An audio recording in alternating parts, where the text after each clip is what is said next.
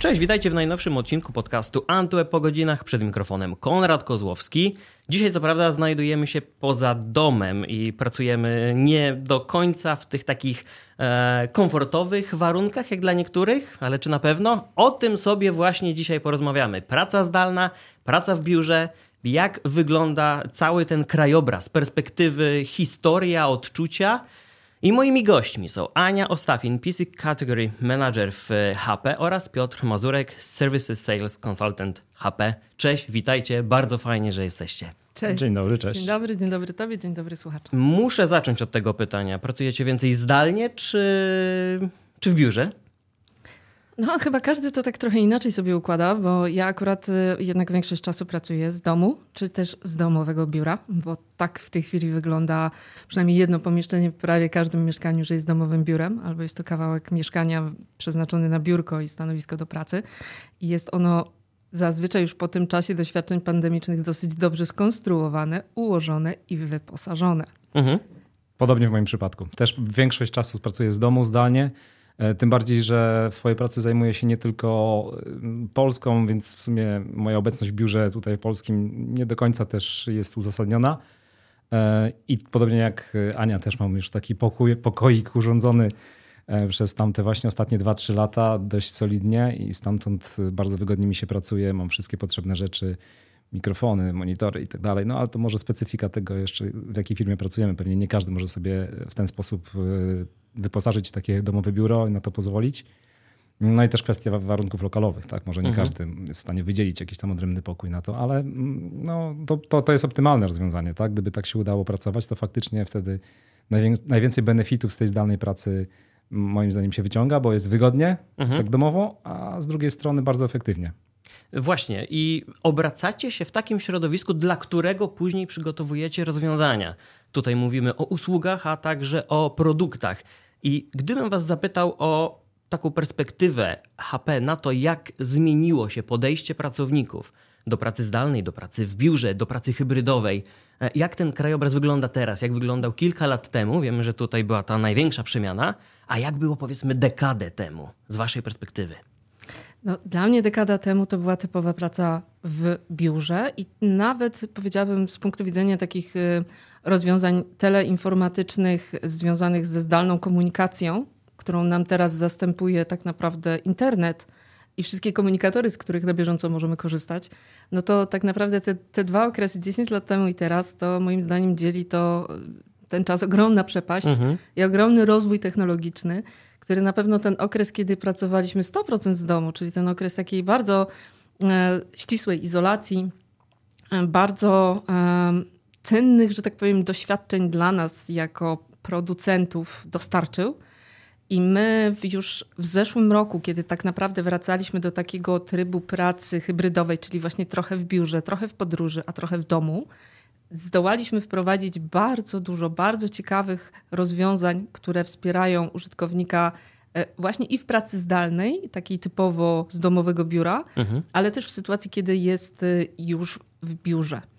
E, I to są rozwiązania, które są skupione zarówno na poprawie jakości komunikacji, czyli wprowadzeniu takich rozwiązań, które wspierają użytkownika, odpowiadają na jego potrzeby w kontekście jakości tej komunikacji e, i również e, to wszystko, co jest związane z obszarem zabezpieczenia odpowiedniego i przedsiębiorstwa, i firmy w różnego rodzaju rozwiązania, czy to software'owe, czy sprzętowe. Mhm. Do, do, tych szczegółów jeszcze przejdziemy, ale najpierw garść statystyk, żeby zarysować to, jak teraz y, wygląda rzeczywistość. Ponad połowa, bo 56% e, firm na całym świecie pozwala na pracę zdalną, coś co do niedawna było nie do pomyślenia, a 16% e, przeszło zupełnie na pracę zdalną, 44% globalnego rynku. E, firmy nie zezwalają na zupełną pracę zdalną. Natomiast gdy skupimy się na samych e, pracownikach, 62% pracowników, którzy są w wieku 22 do 65, czyli w tym e, najważniejszym dla nich okresie, e, pracowali przynajmniej raz okazyjnie zdalnie. To jest grupa ogromna. I ich potrzeby też podejrzewam, że kształtowały się właśnie w tym okresie, o którym Aniu wspomniałaś. Więc jakie są Wasze spostrzeżenia, doświadczenia, jakie wnioski i jakie e, requesty, zapytania pojawiły się od pracodawców i od pracowników do takich firm jak wasza? Na co zwróciliście przede wszystkim uwagę? Jednym z takich podstawowych elementów, którzy użytkownicy, pracownicy zgłaszali swoim pracodawcom i którzy, no ci pracodawcy są naszymi klientami, więc my też słyszeliśmy ich głos, mm, były elementy związane z pracą poprzez właśnie komunikatory. Różnego rodzaju komunikatory e, są dostępne na rynku. Takimi najbardziej popularnymi są Zoom i Teams, e, wykorzystywanymi szczególnie w takich e, środowiskach mhm. biurowych, korporacyjnych. I to, co było bardzo istotną kwestią, wielokrotnie podnoszoną, to było to, jak jestem widziany podczas tych zdalnych komunikacji i jak jestem słyszany. Mhm. Ponieważ praca z domu to często jest praca w cudzysłowie w trudnych warunkach, czyli e, tak. hałasującej kosiarki, wywożonych e, śmieci. Jeżeli jesteśmy nie wiem, w miejscu publicznym typu kawiarnia, to wiadomo, trzaskają drzwi, stukają talerzyki, łyżeczki, mhm. rozmowy. I to są takie elementy, takie zakłócacze w tle, które powodowały obniżenie jakości komunikacji pomiędzy pracownikami, czy pomiędzy pracownikami i ich klientami. Mhm. E, więc tutaj chociażby takie elementy z rozwojem, związane z rozwojem całego systemu audio, e, wprowadzanie redukcji zewnętrznego hałasu na bardzo wysokim poziomie. Także faktycznie jesteśmy słyszani tylko my, mhm. jako, jako speaker, jako mm, prowadzący prezentację czy prowadzący konferencję, a nie słychać tych hałasów w tle. E, drugim elementem, o którym wspomniałam, to była właśnie jakość wideo, czyli też taka ewolucja wbudowanych kamerek w, w notebooki. Bardzo podstawowo wydawałoby się element nie wnoszący za dużo do, e, do, do konstrukcji jako takiej, a jednak okazało się, że ma to bardzo duże znaczenie. E, również w takiej bardzo osobistej ocenie pracownika w kontekście tego, jak on jest odbierany. Im lepiej wyglądamy, tym lepiej czujemy, że się zaprezentowaliśmy. I tutaj właśnie też kwestia tych chociażby sprzętowych rozwiązań w postaci lepszej kamery. Mhm. Mm, dokładnie. Jeszcze wracając trochę mentalnie do tego pytania, jak to było dekadę temu. Ja mhm. sobie przypominam, że po prostu nienawidziłem pracować zdalnie. Raz jakość software'u do tej komunikacji, czyli tych wszystkich komunikatorów, to był zupełnie inny poziom niż teraz. Druga rzecz, właśnie te, to sprzętowe wsparcie też było zupełnie inne, na innym poziomie technicznym. E, no i też mam wrażenie, że przez te ostatnie tam 2-3 lata kultura organizacji też dojrzała. Dużo się zmieniło. Nie wiem, czy pamiętacie, na początku jak COVID nastał, to spotkania, przynajmniej w naszym przypadku, tak, a nie pamiętasz, były ustawiane po prostu od godziny 8, 8.30 ciurkiem po prostu jedno za drugim mhm. do godziny tam, nie wiem, 16.30, 17, no bo do tej pory oficjalnie tak to, pracowałeś, tak? tak? No teraz trochę na szczęście to się zmieniło. Też część ludzi już na, na szczęście nie pracuje tak non-stop przy, e, przy komputerze zdalnie, tylko gdzieś jeszcze jakieś spotkania się odbywają, ludzie wyjeżdżają służbowo i tak dalej, więc to troszeczkę inaczej wygląda. Ale też kultura się zmieniła, tak? bo e, spotkania zaczęły być ustawiane na 5 po pewnej mhm. godzinie, żeby mieć jakąś właśnie przerwę na wyprostowanie kości, na jakieś tam potrzeby fizjologiczne i tak dalej. Więc, mhm. więc tu się też sporo zmieniło nie tylko od tej strony technicznej, ale też takiej kultury w ogóle prowadzenia biznesu w sposób zdalny. Nie? Na to się może nie zwraca zbyt dużej uwagi, a, a, w, sumie, a w sumie warto się nad tym zastanowić. Mhm. Ale tak rozmawiamy sobie i wychodzi na to, że się wiele zmieniło i w kulturze pracy, i sprzętowo, i software'owo. No ale chyba nie jesteśmy jeszcze w takim miejscu, kiedy każdy jest w pełni zadowolony, że pracuje zdalnie. Gdzieś te wyzwania i problemy też cały czas e, narastają. Wy jesteście na pierwszym froncie walki z nimi, jakby nie patrzeć. E, więc jakie te problemy nadal dostrzegacie? Jakie sygnały do Was docierają? To może ja będę tak kontynuował trochę z punktu widzenia usług, które dostarczamy do, do naszych klientów. E, problemem ciągle jest dostarczenie sprzętu do użytkownika końcowego, który siedzi właśnie gdzieś sobie w domu, mhm. w sposób sprawny, w sposób bezpieczny i w taki sposób, żeby on był od razu produktywny, żeby był ta, ta, ten sprzęt, który jest dostarczany, żeby nadawał się do pracy w zasadzie od pierwszej minuty, tak, po rozpakowaniu z pudełka. E, I tutaj bardzo duże pole do rozwoju jeszcze ciągle jest, i, i na tym polu też nasze usługi bardzo mocno rozwijamy. No, oczywiście pomagają nam w tym rozwiązania techniczne pochodzące od e, firm trzecich, takich jak Microsoft chociażby czy VMware. Natomiast e, jest to jakieś wyzwanie, żeby ten komputer dotarł bezpiecznie, bo w ogóle się nie myśli o tym, że na przykład w, w, w ramach samej dostawy, e, tak z punktu widzenia takiego bezpieczeństwa IT, nie wiemy, co się dzieje z tym komputerem, tak? Przez jakiego kuriera do końca przechodzi, kto tam może przy nim grzebać na przykład. Mhm. I, i, I teraz wyobrażamy sobie taką sytuację, że sprytny haker, udający kurier, albo nawet pracujący jako kurier, tak, jest w stanie otworzyć obudowę takiego e, laptopa, wprowadzić tam pewne hardware'owe elementy, które są bardzo trudne do wykrycia później, jak już komputer zostanie dołączony do domeny korporacyjnej i pracuje już tylko w warstwie software'owej systemu operacyjnego. W tym hardware'ze może coś być, co może po prostu nam e, no, podbierać dane, tak? Mhm. robić jakiś, jakiś wyłom w bezpieczeństwie. I, e, I dlatego też tutaj na tym polu rozwijamy swoje usługi. Mamy takie usługi właśnie, które zapewniają bezpieczeństwo całego łańcucha dostaw jesteśmy w stanie stwierdzić, czy obudowa laptopa była otwarta w trakcie tej dostawy, czy nie była. Jeżeli była, no to jest to jakiś tam alarm, alarm alert bezpieczeństwa, który podnosimy. Także tutaj też jest jeszcze sporo do zrobienia, jeśli chodzi właśnie o zabezpieczenie całego takiego łańcucha dostawy komputera od produkcji aż do wręczenia go użytkownikowi końcowemu. To ja sobie pozwolę dosyć sprytnie teraz wpleść dane, które potwierdzają to, jak mało uwagi e, do tego przywiązujemy, bo okazuje się, że aż 68% zamawiających sprzęt pracujących e, z domu w ogóle nie brało pod uwagę kwestii bezpieczeństwa. 43% osób e, w żaden sposób nie zweryfikowało tego sprzętu później, nie oddało osobom, które administrują siecią albo takim wewnętrznym systemem.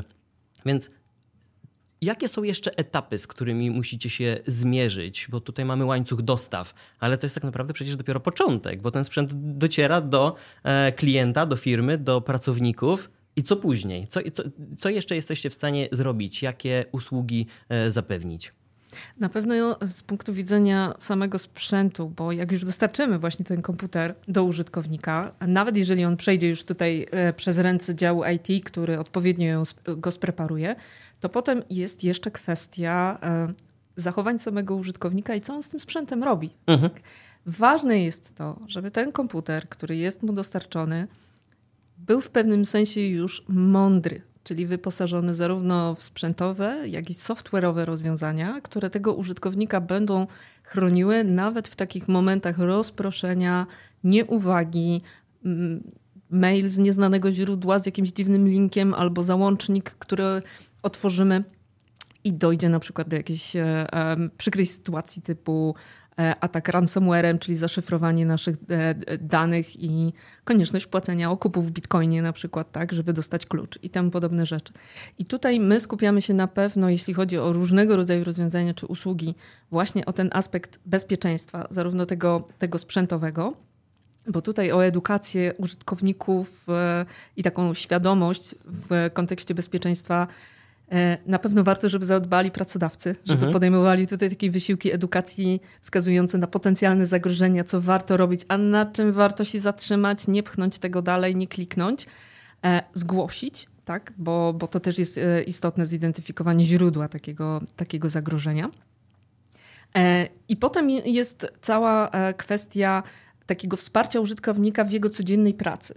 E, I tutaj jest e, szereg usług, z których można skorzystać. E, takie, które wspierają zarówno samego użytkownika, jeżeli jesteśmy indywidualnym przedsiębiorcą, na przykład, tak, prowadzącym swoją jednoosobową działalność gospodarczą, nie mamy żadnego działu IT, mamy kolegę, mamy znajomego, kuzyna, brata. Sami jesteśmy działem IT. Albo sami jesteśmy sobie działem IT, dokładnie.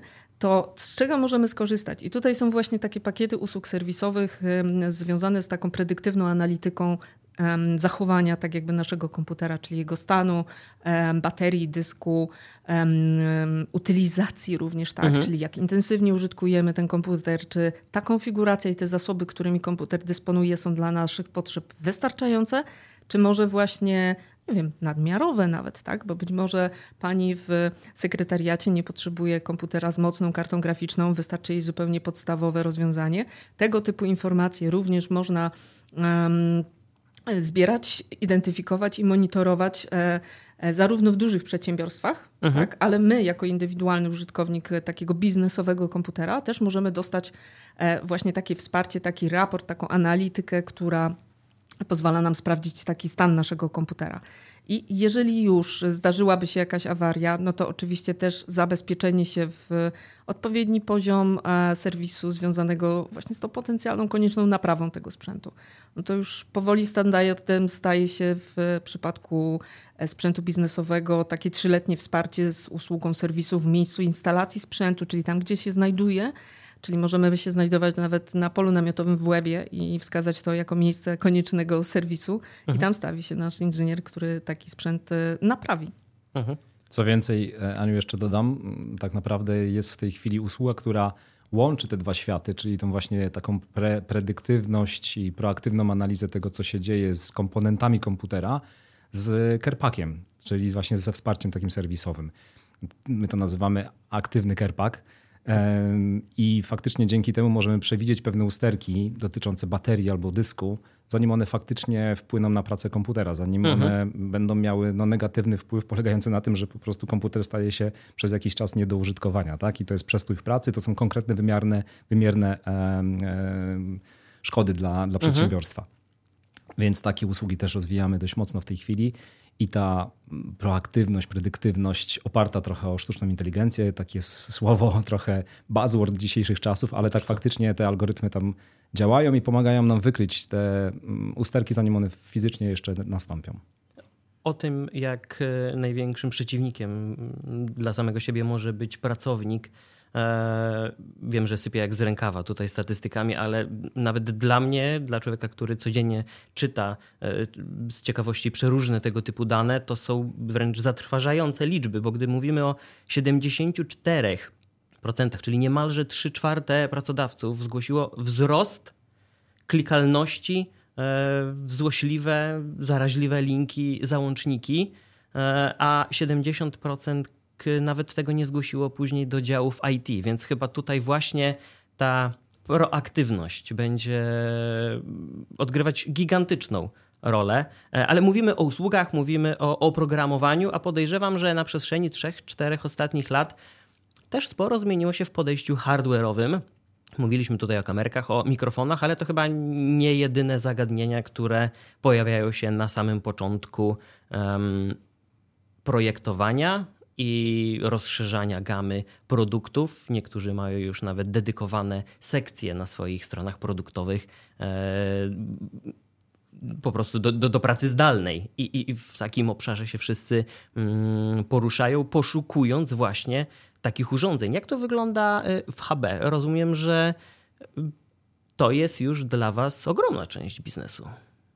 Dla HP zawsze bardzo dużą częścią i bardzo ważnym obszarem był właśnie wszystkie komputery dedykowane do pracy typowo profesjonalnej. Mhm. Bo tutaj możemy rozdzielić i myślę, my jesteśmy takim producentem, który bardzo rozdziela portfolio produktów dedykowanych dla indywidualnych użytkowników, mhm. E, dla graczy, od takiego profesjonalnego, powiedziałabym, biznesowego komputera. I to, co powiedziałeś, że właśnie rozróżniamy już e, w bardzo wielu sklepach online'owych, ale powstają też takie e, tak zwane kornery w sklepach stacjonarnych, które pokazują również sprzęt dedykowany dla firmy, dla przedsiębiorstwa. Tak? Czyli można wyszukać na przykład laptopy biznesowe. Co się tam znajduje?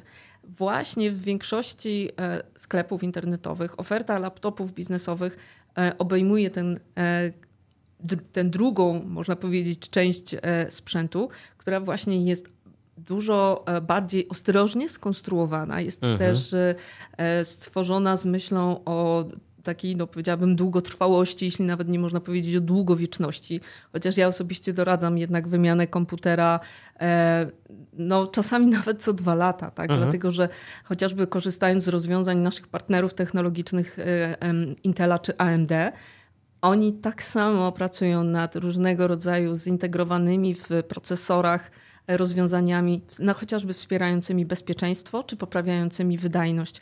I zawsze, kiedy korzystamy z tych najnowszych rozwiązań technologicznych, możemy być pewni, że nasza taka, e, takie sprzętowe wsparcie w zakresie ochrony i bezpieczeństwa jest zawsze aktualne i na takim najlepszym poziomie.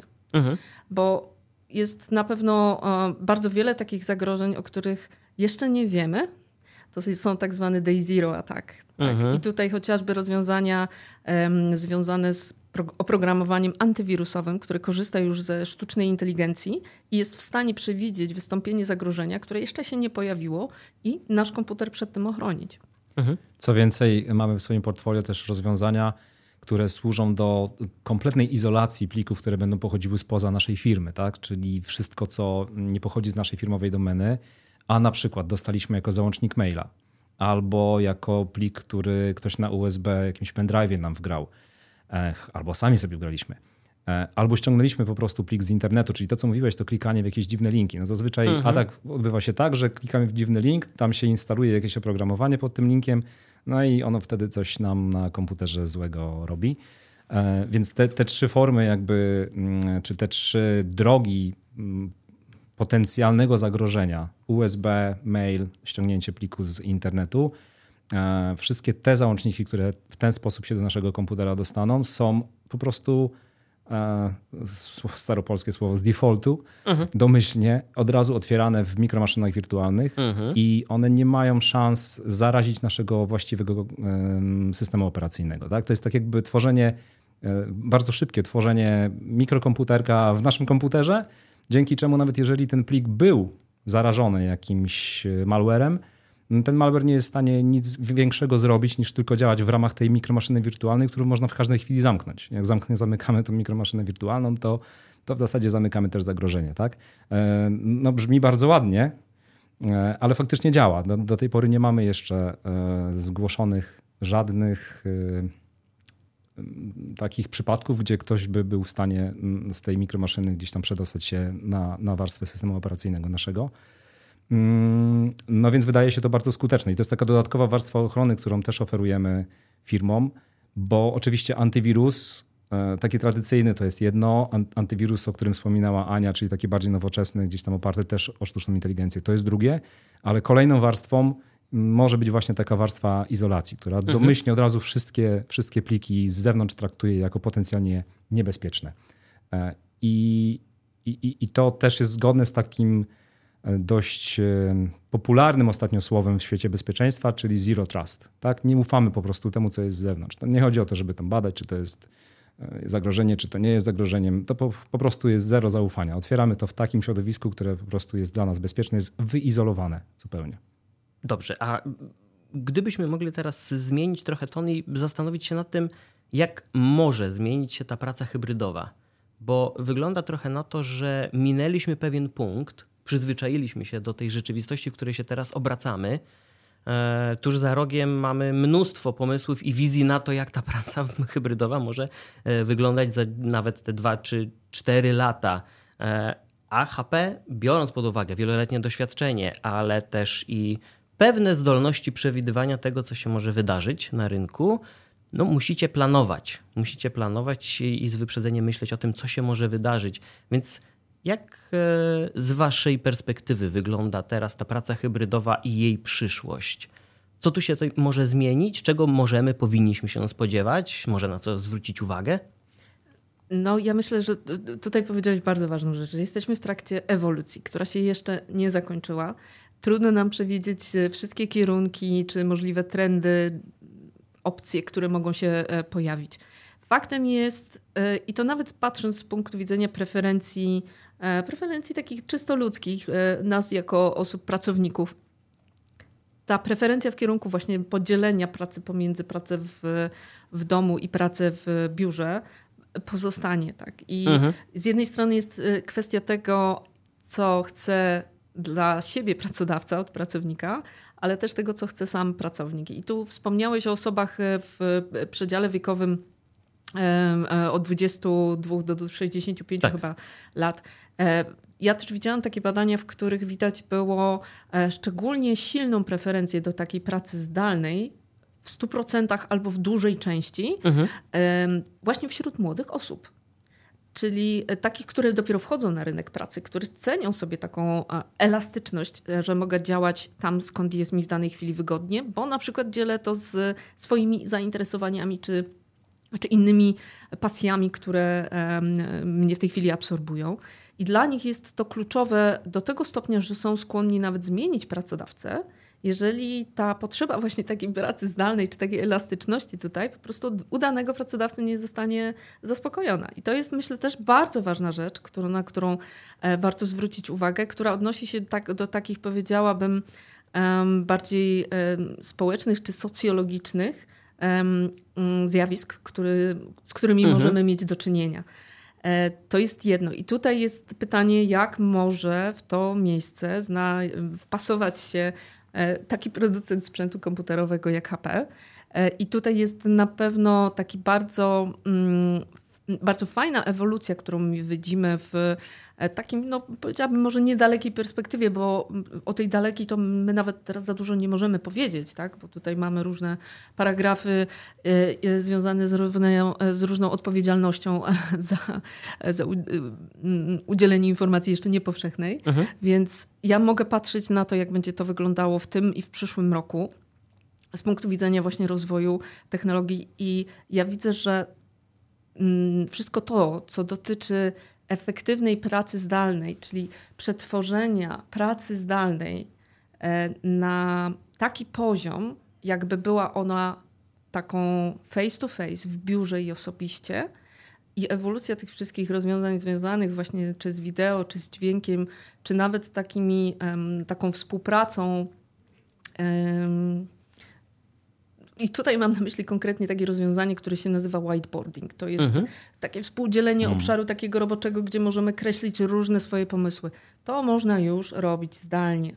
Można wykorzystywać do tego również stare, dobre, analogowe flipcharty, które możemy sobie rysować i nasz komputer, jeżeli będzie miał podłączone dwie kamery, a już właśnie mamy w tym roku takie rozwiązanie, w którym notebook może pracować równolegle czy równocześnie Aha. z dwoma kamerami, pozwalają skierowanie jednej z tych kamer właśnie na ten flipchart i tak naprawdę z, z, pracowanie dokładnie tak samo, jakbyśmy siedzieli dokładnie w tej jednej samej sali konferencyjnej i mieli dokładnie ten sam efekt.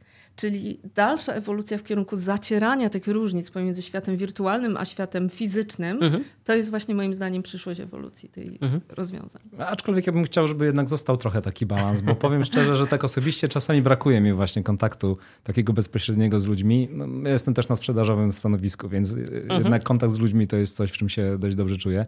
E, I, i, I, zgadzam się z tym, że fajnie, jeżeli będziemy mieli takie narzędzia, które będą nam pozwalały na to, żebyśmy rzeczywiście efektywnie ten czas zdalny wykorzystali i żeby to doświadczenie z tej pracy zdalnej było bardzo bliskie też temu doświadczeniu, które mamy pracując z kimś face to face. E, ale jednak bardzo fajnie czasami spotkać się z ludźmi. Zastanawiam się tak, puszczając trochę wodze fantazji, czy na przykład VR będzie czymś takim, prawda? Czy, czy, czy to środowisko VR-owe kiedyś um, rzeczywiście zastąpi nam zupełne takie kontakty face to face?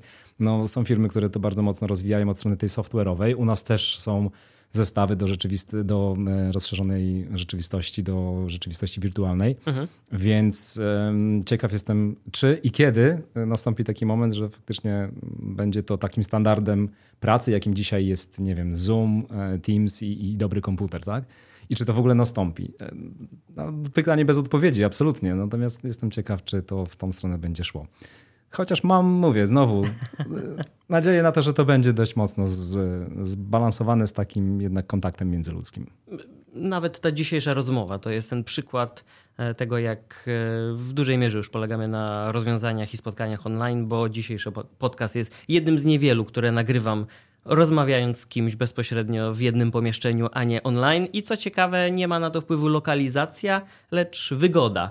E, więc jeszcze pozostając w tej strefie trochę przewidywania, wróżenia z fusów i mm, skupiania się na tym, jak można ułatwić pracę zdalną e, i tą, tą hybrydową w zasadzie, bo dobrze wiemy, że w niektórych sytuacjach nie jest możliwe wyłączenie kontaktu bezpośredniego. E, więc gdybyśmy mogli wrócić do samego portfolio produktów HP, i przez chwilę jeszcze porozmawiać o tym, w jaki sposób e, podchodzicie do współpracy z partnerami, z firmami, e, oferując swoje produkty, e, jak to wygląda na co dzień.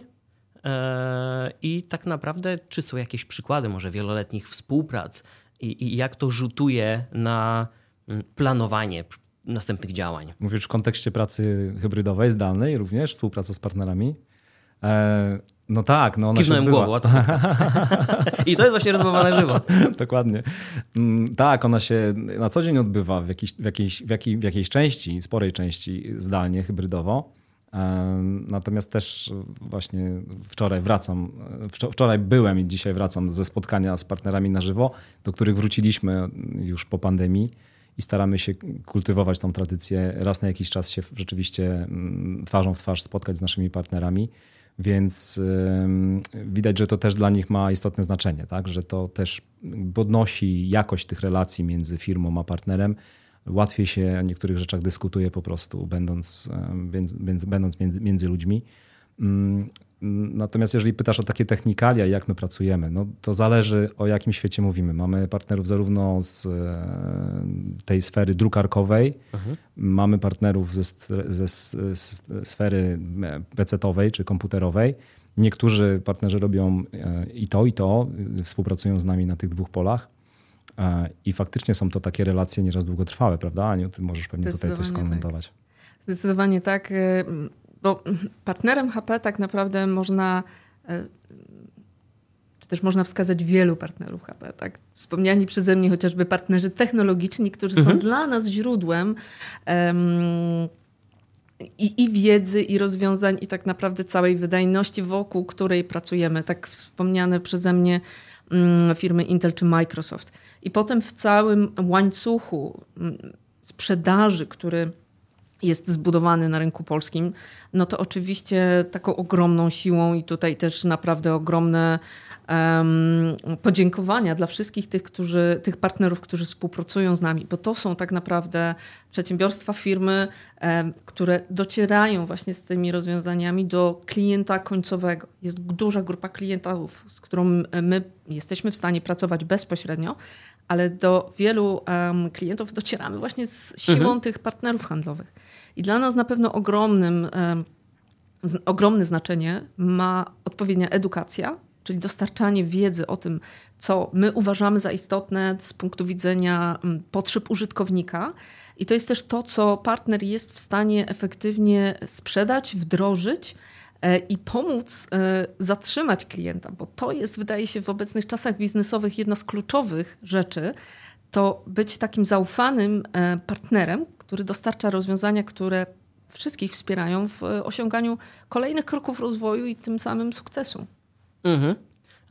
Żeby zakończyć w takim pozytywnym, ale też i e, bardzo praktycznym tonie, chciałbym zapytać, bo tak jak powiedziałem, pracujecie nad produktami, którymi później pracujecie.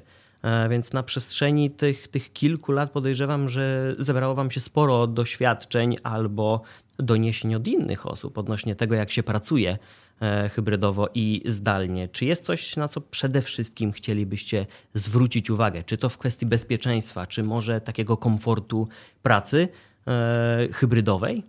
Uu, no i teraz zacznie się kolejna godzina podcastu. Bo tu naprawdę można by było opowiedzieć bardzo wiele rzeczy. E, to, co dla mnie na pewno jest ważne, to wszystko, co jest związane z wydajnością mojego komputera, e, ale też kiedy pracuję już poza biurem, jednym czy drugim, czy domowym, czy firmowym, to też chcę mieć pewność, że ten komputer jest bezpieczny i że te dane, które sobie wyświetlam na ekranie, są bezpieczne. E, taki element bardzo ważny w takim momencie, szczególnie dla osób, które w przedsiębiorstwie, w firmie mają kluczowe stanowisko. E, dyrektor finansowy, prezes, tak, menedżerowie działów. Jeżeli pracują poza biurem, to element kluczowy, który ja polecam absolutnie wszystkim, z którego korzystam, to jest wbudowany cyfrowy filtr prywatności. Mhm. Bo czym są filtry prywatności, to chyba wszyscy wiedzą. To są rozwiązania znane od wielu, wielu lat w postaci takich nakładek naklejanych na ekran, które zasłaniają ten ekran, ale jednocześnie nam, użytkownikom, pozwalają pracować. Można to zgubić, można to zniszczyć, złamać, zarysować. Nie znaczy tego nigdy się dobrze. nie ma, jak jest potrzebne akurat. I dokładnie tak. Ale też czasami nawet może tego nie chcemy używać, czyli trzeba to mhm. odkleić, tak? bo komuś jednak chcemy pokazywać coś na naszym ekranie. Um, bardzo prosta technologia HP SureView, rozwiązanie wbudowane w ekran, nie zostawimy, nie zgubimy, nie zarysujemy. To jest podstawowy element.